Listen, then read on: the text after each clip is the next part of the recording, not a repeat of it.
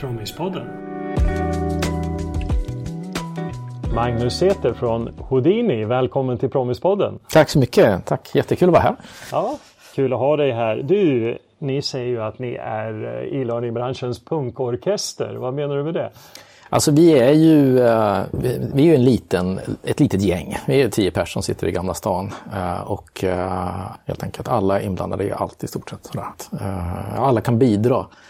Och det är väl det som var punkens, nu när jag, när jag säger det så är det proggorkester egentligen. Så okay. Proggen hade, hade ju det, den devisen att alla kan bidra, alla kan spela ett instrument. Nej men jag säger punkorkester för att vi, vi, vi kör på. Eh, vi kanske inte är de mest strategiska i branschen och så, men vi gör våra grejer och vi är otroligt entusiastiska och vi prövar nytt och, och vi försöker göra, göra ett genomslag hos våra kunder på det sättet. All right. Du pratar om tre grejer som har varit viktiga för er, för er profil här. Vad är det? Ja, jag har ju en historia av att jobba i elhandelsbranschen sedan 1994. Och jag började på VM-data, gick sen till M2S Eh, från M2S gick jag till Reference. Reference var uppköpt av Resco och sen så tyckte vi att det blir så stort, det blir så jobbigt här, så då startade vi Houdini 1999. Och de tre största grejerna som har förändrats för Houdini genom åren har varit öppen källkod. Vi är också, förutom att vara e-learningföretag så gör vi också film och vi gör webbplatser. Vi har byggt en egen plugin till Wordpress så att vi kan erbjuda ett LMS. Och då innebär det att vi, då plötsligt kan vi också erbjuda kunderna någonting som vi inte har infrastrukturen för att göra. Vi kan inte göra ett nytt stort LMS som passar till alla kommuner. Men vi kan erbjuda små kunder ett LMS som hjälper dem att spåra vem som har startat utbildningen och vem som har gått klart utbildningen och så lite annan statistik. Men varför blev det här viktigt? För ni är innehållsproducenter ja. annars, ni är inte systemleverantör i första hand? Eller? Nej, precis. Mm. Vad vi märkte var ju att det fanns ju kunder som var eh, små och medelstora som dels inte hade råd att betala licensavgifter på ett eh, LMS men som ändå ville ha viss grundfunktionalitet i LMS, det som LMS erbjuder. Eh, men oftast bara grundfunktionaliteten. Vem har startat utbildningen? Vem har gjort klart utbildningen? Hur många användare har vi? Kan vi skicka mail till dem? Det är ungefär där som mångas behov låg eller ligger.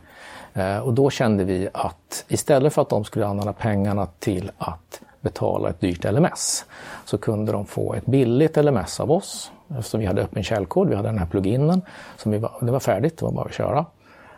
Då kunde de lägga pengarna på kurser istället hos oss som vi producerade. Och öppen källkod var, var det också väldigt viktigt för oss när vi upptäckte Adapt som är det verktyg som vi använder för många av våra utbildningar. Och det är ju... Och bara som folk förstår här, Adapt och verktyg, vad gör det egentligen? Just det, Adapt är ju ett öppen källkod baserat byggarverktyg. Så det är alltså ett authoring-verktyg. Eh, man kan använda Articulate eller man kan använda Adapt och det finns färdiga standardkomponenter som skapar en SCORM-kompatibel e-learning-produktion. Och okay, det är väldigt är... viktigt det är ett powerpoint för e-learning? Så att säga. Ja, man kan säga det. Det var ju inte det när vi hittade det, för då var det fortfarande så att man skulle skriva in kod för att bygga de här utbildningarna. Men nu finns det ju ett grafiskt interface och det finns eh, färdiga komponenter och färdiga moduler och det, allt är öppet eh, som öppen källkod och därför kan vi själva också gå in och ändra och fixa och dona och skriva egna komponenter och, och bygga på det. Och det är viktigt då, för då är vår kunskap från Wordpress har gjort att vi kan Eh, jobba med Adapt och bygga till specialfunktioner för speakeruppläsning och, och för, eh, för att spåra folk och för att hålla reda på att, om folk är klara eller inte med ett kapitel och många sådana saker. Så att öppen källkod-revolutionen gjorde att vi dels fick möjlighet att erbjuda saker som kunder behövde som var för dyra för väldigt många kunder. Okej, men är det också ett, ett statement lite i punkkulturen? Ja, att jo, det men, är open source? Ja, eller? jo, men så är det ju. Det, dels är det ju det förstås. Mm. Uh, nu ska jag väl inte sitta här och vara skenhelig och påstå att ja, men uh, öppen källkod, wow, storma barrikaderna. Men, men det är självklart en, en sån sak som vi tycker är roligt också. Uh, för vi är, som sagt, vi är små. Jag kommer ju från en stor konsultsbakgrund. Och Eh, det är alltid roligt att kunna peta lite på de stora kunderna. Det här Vi har något som, som, som gör nästan det ni gör, eh, fast billigare. Mm. Och det har ju hänt att, att kunder har eh, fått vårt erbjudande och sen kommit och sagt nej men det här, det här eh, det går inte för att det, menar ni att det här kostar så här, det här kostar en Uh, verkligen. Är det per månad? Så, nej, det är för hela installationen och så, så tar vi inga licensavgifter. Ja, Jaha, det finns väl de som gillar det förstår jag. Ja, men det Va, finns vad har vi mer då? Tre grejer? Ja, Open source är en. Open source är en och den ledde ju då uh, till att vi har kunskap inom webbteknik som vi kan använda för att bygga ut Adapt. Sen så 2004-2005 började film bli väldigt, uh, väldigt viktigt inom webbkommunikation generellt. Så. Och det var ju fortfarande på den tiden var det väl de här små frimärksfilmerna och det var Quicktime och det var gud vet allt sådär. Eh, och då började vi med att ha film inhouse. Så vi är alltså, egentligen så är vi, som jag sa tidigare, en e-learningfirma, webbyggarfirma och en filmproducentfirma. Så vi har all kunskap inhouse för att bygga, skapa film. Helt enkelt. Vi har producenter, vi har kameramän och vi har ett, ett, nätverk för att ta in allting. Men gör ni ren film också som inte har med utbildning att göra? Eller? Uh, nej, vi gör informations och uh, utbildningsfilm. Mm. Uh, jo, visst har det hänt att vi gjort reklamfilm och mer på det sättet. Vi jobbar ju bland annat med GAPF, Glöm aldrig Pela och Fadime, som är en organisation som uppmärksammar hedersvåld. Och de har vi gjort mer reklam, inte reklam, men vi har gjort mer filmer som har varit mycket starkare än rena utbildningsfilmer. Uh, och det, det, tycker vi är spännande och det är roligt. Sen har vi jobbat för MSB och gjort mer dramatiserade filmer med, med terrorismenheter och utrymning av skolor och alla sådana saker. Men allting har en informations eller en utbildningsgrund att stå på. Så att okay. Men, men så att vi har halva bolaget är film, vilket gör att det är väldigt kort mellan eller det finns ingen som helst eh, distans mellan vår pedagogiska idé och filmproduktionsteamet. Utan alla är med från början och alla är med genom hela projektet och vi har möjlighet att göra allting eh, in-house. Och när man jobbar med film så, eh, ja, om man tar det kanske lite, lite längre tillbaka i tiden, men då kunde ju ett filmprojekt lätt vara en, en halv miljon i ett projekt och idag kanske 50 000 på vissa håll. Och hur ställer ni er till det här? Vad är som eran grej? Alltså jag tycker ju, eller vi tycker ju att det är fantastiskt vad som har hänt inom filmen rent tekniskt. Eh, och det, det, det, ska inte finnas eh, ett upplägg när det gäller film som handlar om teknik för teknikens skull. Förut hade vi de här 3D-idéerna att det skulle vara mycket 3D, man skulle bygga 3D-världar och så vidare. Men där var det mycket mer, känner jag i alla fall, att det var väldigt mycket mer teknik för teknikens skull. Och det är viktigt att film inte blir det, så att det ska, det ska vara integrerat. Så tekniken är inte det absolut viktigaste, utan det viktigaste är vad man visar. Eh, men eh, tekniken har gjort att vi kan göra väldigt kostnadseffektiva eh, lösningar som är väldigt, väldigt bra. Till exempel också, nu sitter vi här med en green screen bakom oss. Och vi har ju en sån portabel som vi sätter upp och bara det är en sån sak att vi kan maska bort, vi kan göra enklare specialeffekter rakt upp och ner. Så tekniken har gjort att vi kan göra filmer som är av väldigt, väldigt hög kvalitet eh, med en väldigt, väldigt liten produktionsenhet. Och eftersom vi har allt in-house så blir det väldigt effektivt. Så, på det sättet är det, det måste inte vara fyra man i ett filmteam? Nej, nej, absolut inte. Mm. Jag har ju vänner som jobbar på reklambyråer. När de åker ut så är de 16-20 pers. Mm. Uh, och då känns det som att, ah, okej, okay, då fattar jag att det kostar pengar om man ska ut med 20 pers. Vi uh, är ju två, kanske tre. Uh, det var en fördel under covid. För då kunde vi säga att vi skickar en Ibland fick vi inte skicka en heller, men, men man säger, ett, ett team på fem, sex, nej det, det är aldrig i livet. Sådär. Men en person mm. som har gjort ett covid-test kan få komma in och kanske filma eller intervjua en person. Just det, just det. Så att det... mindre team är, är, är viktigt för oss. Och det är till exempel drönare eh, ger väldigt hög kvalitet uh, i filmen och en, en upplevelse som är spännande. Vi, vi gör en utbildning om skogen nu och bara få överkörningar med drönare över en skog. Eh, så det är jättefint. Så, att, så att det, det är väl, jag tycker att det behöver inte vara superdyra budgetar för att det ska bli jättebra film. Då har vi två av de här tre punkterna. Ja, just det, precis. Open source och film. Och vad är den tredje då? Det är ju de här fruktansvärda mobiltelefonerna. Egentligen mobiltekniken som kom. Och det, det, det finns egentligen två olika eh, effekter av det. Eh, första effekten var ju att Flash försvann.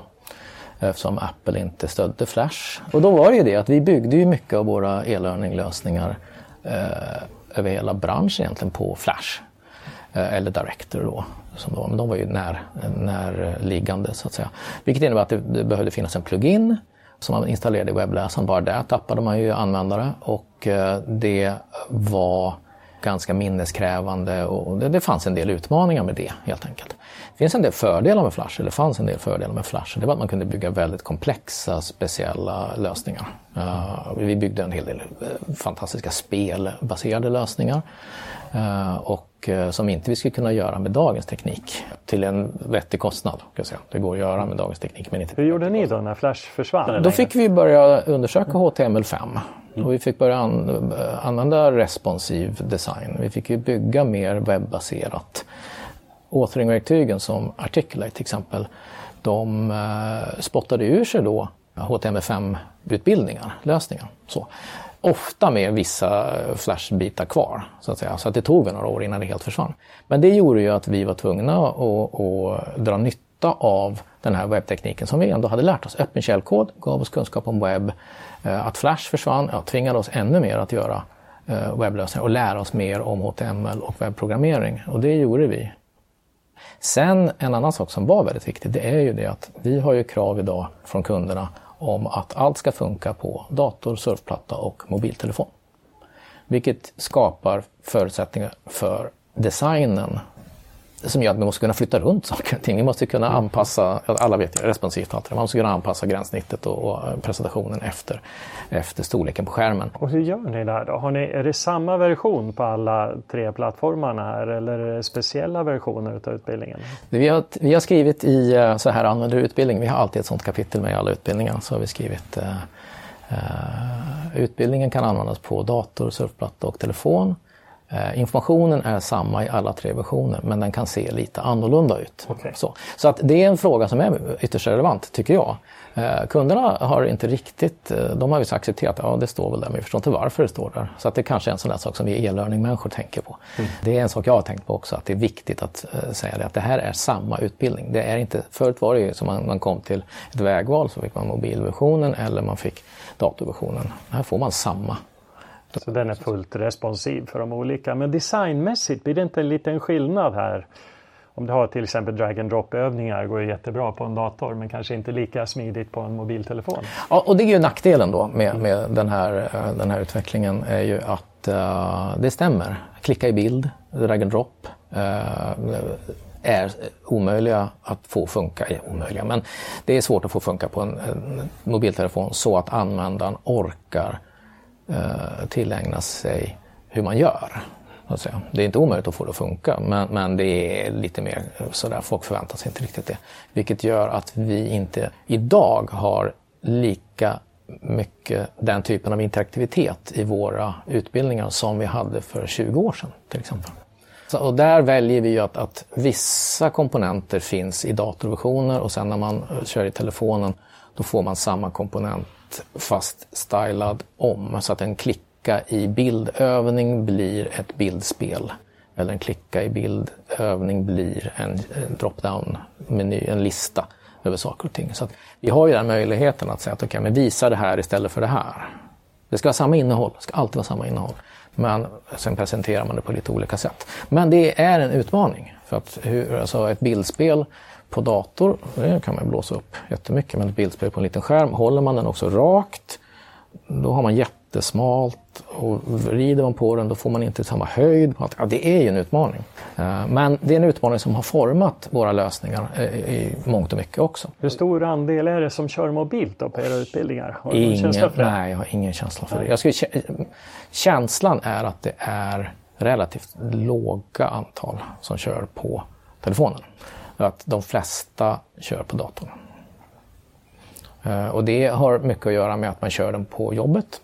Eh, hur mycket vi än kämpar för att skapa utbildningar som folk skulle kunna tänka sig att köra på bussen hem och allt sånt där. Liksom. Så, så det tror jag är lite av en pipe dream, att, att, att folk ska vara så engagerade i jobbet att de går igenom en utbildning hemma eller på mobiltelefonen eh, och så. Utan det, det är oftast så att det, det är datorn på jobbet helt enkelt. Mm. Du, jag tänkte om vi backar lite grann här för du har jobbat på VM-data och, och, M2S då på 90-talet som var ganska stora produktionsavdelningar och ganska streamlinad produktionsmetodik och så vidare och mycket som manusförfattare förstår jag. Mm. Har du tagit med dig de här teknikerna, skriva manus och annat från den tiden? Och hur såg det ut då och hur ser det ut idag? Ja absolut, och det, det var väl en sån här sak som rätt snabbt etablerades i branschen. På 90-talet, 94, 95 när jag började på VM-data så experimenterade vi, ska man säga. Men vi, vi jobbade mycket med att försöka få fram manusmallar i Word som vi kunde använda för att standardisera hur vi skrev så att vi lätt kunde ge det till produktionsteamet som skulle göra grafik och de som skulle programmera då i Director eller i Flash. Då, då, var, det, då var det så tidigt så det var Director till och med, då fanns inte ens Flash. Nej, det var Authorware till och med, kommer du ihåg det? Mm, mm. Ja, ja, visst. Så då jobbar vi väldigt mycket med, med den och, och att ha manusbaserad process eh, ger ju en viss eh, typ av, av produktionsprocess. Att man skriver sitt manus och man gör remiss på det några gånger och sen så måste man bygga en, en, eh, måste man bygga en demo av det för att kunden säger ju alltid ja, ja, ja det här är manus men jag förstår inte hur det här kommer att se ut. Ja, då måste vi bygga en demo, då får de titta på den några gånger och sen så itererar vi. Det har ju blivit så att under åren så har vi etablerat en process, en iterativ process helt enkelt. Att först manus, sen manus plus demo och sen börjar vi komma med skarpa revisioner och så finslipar vi allting. En helt vanlig projektprocess egentligen. Det är inget, inget Jag tänkte lite in på, på eh, användandet av manusmallar och här. Det fanns ju, eh, jag har också jobbat med M2S lite ja. grann och det fanns ju ja, men sån här makro, eh, Word-makron och allt möjligt för att sätta strukturen. Det var jag som gjorde dem. Det var du som byggde ja. dem från början? Ja. ja. Hur funkade det? Word då hade ju eh, inbyggt, ett typ inbyggt skriptspråk.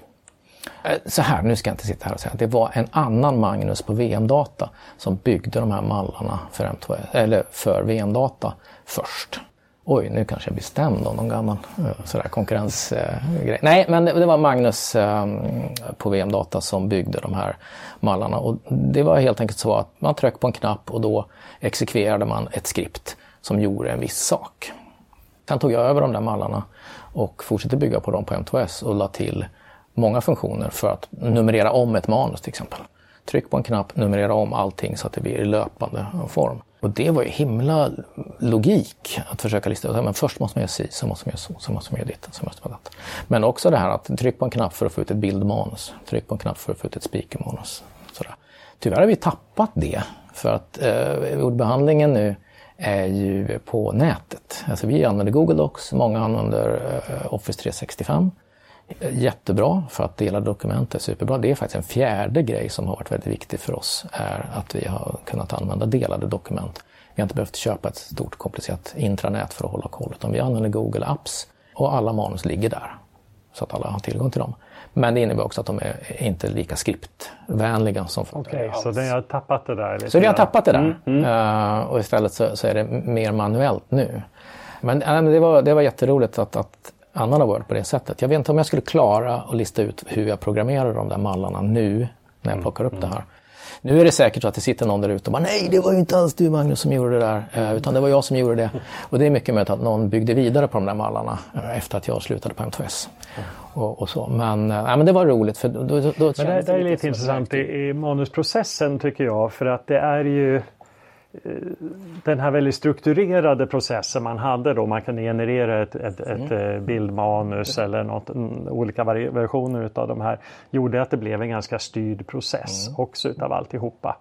Och sen ville man ju göra det mer agilt och att, att eh, involvera kunderna och kanske mm. skriva manus rent av tillsammans eller i möten och så vidare. Men det var ju inte alltid så lätt att få till det där. Och, och var har du landat idag? Vad är mest effektiva sättet att jobba på? Vi skriver manus, de läser manus, vi får deras synpunkter, vi gör ändringarna och sen läser de igen. Att skriva manus tillsammans i möten leder ofta, tycker jag, det här är min personliga uppfattning, men det leder ofta till att man tar beslut om text utan att tänka igenom det. För man har inte tid att sitta och tänka, mm, eller man har inte lugn och ro, man har liksom kanske inte tillägnat sig vad står egentligen i hela det här stycket, utan man hänger upp sig på ett ord och sen sitter man, ah, men jag tycker så här och så här och så här och så plötsligt så ändrar man någonting. Och sen efteråt kommer man fram till att det här var inte genomtänkt. Därför att det är också så att off, vi har ju då, dels har jag skrivit manus i tusen år och dels har vi eh, en manusförfattare som också är språkvetare. Så att vi har ju rätt bra koll på hur språket funkar. Och det finns ju många kunder som, som tycker att de har det också. Eh, och då kan vi få många synpunkter på saker och ting som egentligen inte spelar någon roll. Eh, punktlistor, hur ska de formateras? Jag, jag tycker det ska vara så här. Ja, men språkrådet säger att det ska vara så här som vi har föreslagit.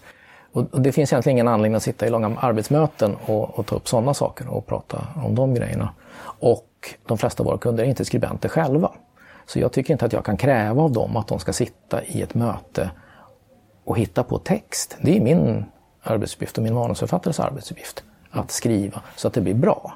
Jag vill hellre använda eh, möten med kunden till att prata om vår förståelse av innehållet. Har vi missuppfattat det här ordet? Ja, det har ni. Okej, okay, men hur använder ni det här ordet? Så här och så här och så här. Vad bra, då går vi hem och skriver om. Hellre så än att sitta tillsammans och, skriva. Jag har ju suttit i sådana skrivmöten med, med många olika kunder och många olika deltagare i mötet. Och det är väldigt ineffektivt. Mm. Det är mycket mer effektivt att säga okej, okay, vi pratar om texten sen går vi hem och gör vår grej. Sen får ni titta på den igen. Och så har vi markerat alla ändringarna och sen så får ni säga vad ni tycker om det och sen så tar vi och gör om det. Mm. Det är min personliga uppfattning i alla fall. Jag vet att det finns också andra uh, människor, kunder, som älskar de här mötena och sitta och prata och diskutera. Och det, det, det, det ger också en hel del annat också för att man kan ju aldrig bara prata om en sak. Utan alla pratar ju om nästan vad som helst hela tiden i sådana möten. Och då lär jag mig någonting. Så på så sätt kan de vara väldigt viktiga och intressanta. Om du skulle ta med oss på ett projekt här då som du tycker det här har varit viktigt för oss? Vi har ju några eh, bra projekt förstås då, då som, som har varit väldigt viktiga. Bland annat alla projekt som vi har eh, blivit nominerade i Swedish Learning Awards för. Och det är väldigt många tills det lades ner. Det är jag jätteledsen över och alla som jobbade med det eh, ska ha en eloge för det jobb de gjorde. Det finns ju Learning Awards nu. Ja, också. exakt. Eh, vi, vi, har svårare att passa in i de kategorierna faktiskt. Ja. Mm. Det, det, är knepigt för oss. Men det var lite öppning i år faktiskt, att det fanns fler kategorier. Så jag tror vi tittade på det. På det vi, kikar, precis. Nästa år här, ja, vi, vi, går, eh, vi, är på, vi är med i Swedish Publishing-priset eh, istället. Så att där har vi vunnit en gång och varit nominerade i ja, fyra, fem år. Så. En gång, och jag kan prata om saker man inte, som inte har gått så bra. Jag ska komma tillbaka till de här som gick bra. Men en gång var vi nominerade till Svenska Publishingpriset i e-learning-klassen. Och då är det fem stycken som går till final så att säga. Vi hade tre av dem i den klassen. Tre av fem. Så vi bara, ha, nu jäklar. Vi kom tvåa, trea och femma. Okay. Mm. Så vi gick ju därifrån. Först var vi glada över att vi var nominerade och sen så vann vi inte. Då bara så, nej, vad är det här liksom? Sen var vi nästa år. Men, men eh, ja, så att det var lite det är tråkigt. Priser, eh, nomineringarna är vad man får vara gladast för. Sen om man vinner så är det en bonus förstås. Vi är jättenöjda med ett projekt som handlar om våld mot kvinnor och våld i nära relationer. Som vi gjorde tillsammans med Nationellt centrum för kvinnofrid och länsstyrelserna. Och Socialstyrelsen var med också på ett hörn. Och det är en utbildning som är öppen för vem som helst att gå. Och den har gåtts av 140 000 personer hittills. Ska vi ta webbadressen? På ja, webbkursomvald.se. Våld utan prick. Ja, precis. Ja. Eh, och den, eh, den är jättebra, dels för att det är ett otroligt viktigt ämne. Och dels för att det var en av de utbildningarna där vi verkligen försökte använda Word. Det är en webb plattform helt enkelt. Det är en webbsida som är formad, utformad som en e-learning. helt enkelt. Och det var där vi hittade mycket av det här eh, responsiva tänket. Okay, hur ska vi lägga upp en webbsida eller ett, ett responsiv sida för att det ska kunna funka? Så många av våra utbildningar som har kommit efter webbkurs om våld eh, är stylade i den filosofin. Så att säga. Så se, tittar man på den så ser man att ah, okay, det här är en föregångare till det Houdini gör idag. Eh, så på så sätt var den väldigt viktig. Och hur, hur sitter det ihop då? Är det en vanlig e-utbildning kombinerad med andra funktioner på webben? Eller hur, ja, hur precis. Och det är egentligen en Wordpress-sida med en inloggning och sen får man sin användare och uh, man går igenom den här utbildningen. Och vi har kunnat använda då webbtekniken till att koppla ihop olika saker. Så vi aggregerar anonymiserad information och presentera den för användaren. Som, som, till exempel att man kan stjärnmärka saker som jag tyckte det här var intressant och det här var intressant och det här var intressant. Sen kan man se en sammanställning om hur många tyckte det här var intressant. Vi har en ordlista och, så, och då aggregerar vi hur många har klickat på det här ordet. Intersektionell ja, det är störst i ordmolnet. Då. Så, så kan man se vad, vad tycker andra folk är knepigt eh, och använda statistik på det sättet. Eftersom vi inte hade ett LMS så har ju vi varit tvungna att använda vår plugin då för att registrera eh, hur många som är registrerade, vem som är registrerad, ha en databas i botten helt enkelt. och så. Men eftersom vi inte har ett LMS så har vi också haft möjligheten att latcha helt enkelt med statistiken och med funktionerna på ett sätt som LMS kanske inte skulle kunna ta emot. Och, eh, som sagt, det formade ju mycket av vårt erbjudande efter det också. Att vi fick göra en webbkurs om eh, hedersvåld, vi har fått göra en webbkurs om hbtq-frågor, många andra saker, mer allmänmänskliga frågor. Så vi har, vi har så att säga lämnat, skulle jag säga, eh, skärmskottsutbildningarna, att klicka här för att skriva ut utbildningarna bakom oss i mångt och mycket. Vi har gjort några sådana, sådana men de, de, jag kan inte få upp den entusiasmen, jag ska erkänna, att, att utbilda i hur man skriver ut ett dokument i Word. Skillnad, till skillnad från att berätta om hur, hur hedersvåld påverkar en person och hur, hur man kan hantera det. Det är lite förbättra världen och Ja men precis. Ja, absolut. Och det, det är en sån där sak som en av mina vänner sa det vid ett tillfälle när jag klagade på att det är bara Word-utbildningar hela tiden. Och då sa en av mina vänner, hon sa att men du måste ju tänka att det här är en folkbildningsinsats. Det här är ju ett sätt att höja människors kunskap och hjälpa dem att förstå uh, den här tekniken som kommer att förändra hela samhället. Och, och sen har jag tänkt mycket på det, att hela vår bransch handlar om att hjälpa folk att förstå mer av omgivningen runt omkring sig. Även de här skärmskottsutbildningarna handlar ju om att ge folk makten att förstå vad de håller på med. Istället för att de ska sitta där och känna sig maktlösa gentemot ett system så kan de gå en utbildning och känna att ja, okej, okay, men då fattar jag hur det här systemet funkar. Det är inte mitt fel att jag inte får det resultatet som jag vill ha utan jag har nu förstått hur de som byggde det här systemet tänkte. Då har ju vi som e-learning-leverantör hjälpt den personen att komma uppåt i kunskapsnivå och mm. även få mer makt över sin arbetssituation. Absolut, det här är ju rätt intressant för att det är Ja men det här är en av mina drivkrafter också att, att eh, ja, men det vi behöver med de utmaningar vi har i samhället idag överhuvudtaget känns som att det, utbildning är en viktig komponent. Att få mer information, mer förståelse. Sen om vi pratar demokratifrågor eller gängvåld eller klimatförändringar. Mm. Så någonstans behöver vi förstå saker och ting bättre. Absolut, och det har gjorts försök att skapa plattformar för att, att skapa korta utbildningar. Uh, och jag vet inte riktigt varför det inte har riktigt slagit igenom. Så mobiltelefonerna för, har ju förändrat för oss jättemycket förstås.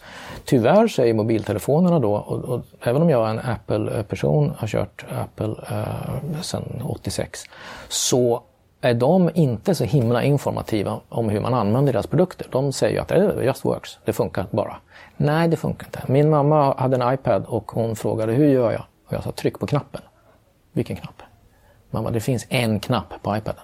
Nej, jag ser ingen knapp. Okej, okay, ja. Till och med på den nivån kan det vara. Eh, och det är inte för att hon är korkad eller något sånt där, utan det var bara att hon hade låst sig vid att titta bara på skärmen.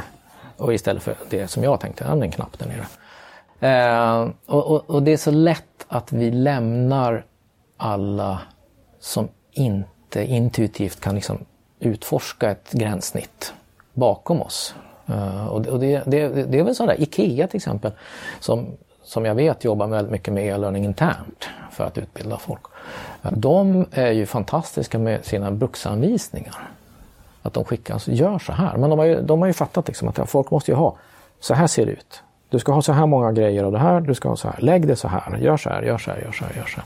Folk behöver väldigt mycket mer. det och det tycker jag att vi i e-learningbranschen kan vara väldigt stolta över, att vi hjälper till med det. Vi, vi kanske ibland tycker att det är tråkigt att göra vissa eh, moment i utbildningarna, för ah, men det, här, det här vet väl folk. Men eh, det finns alltid någon som kan lära sig något nytt och det ska vi vara stolta över att vi hjälper till att höja kunskapsnivån i Sverige men också självklart internationellt. För det mm. finns ju många av oss ja, men det är bra.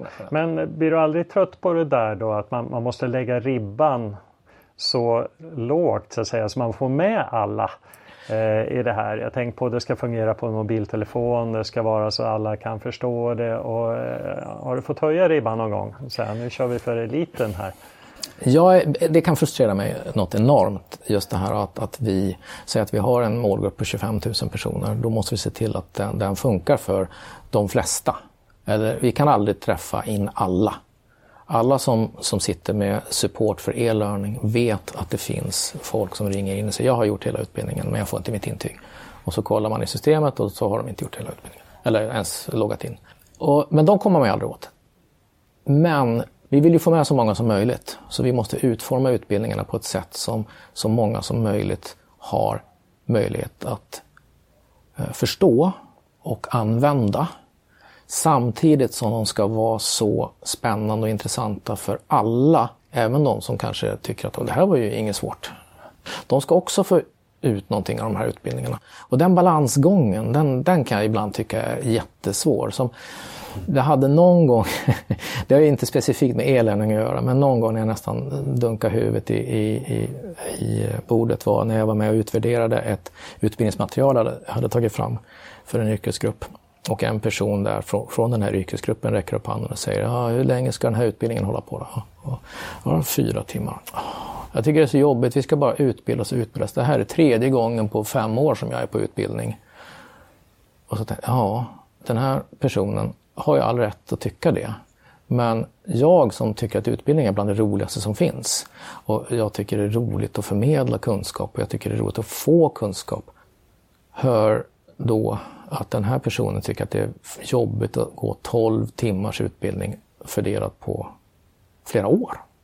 Och då tänker jag, hur kan vi göra för att få den här personen att tycka det här är roligt? Samtidigt som den personen förstår hur den ska använda motivera. Och där är jag tillbaks till det här med att efterbearbetningen av kunden är sjukt viktig. Och om du tänker en sån här utbildning och du har jämfört om någon av de andra tio produktionsbolagen hade byggt den här. Vad är det som, som sticker ut att Houdini har gjort den här utbildningen?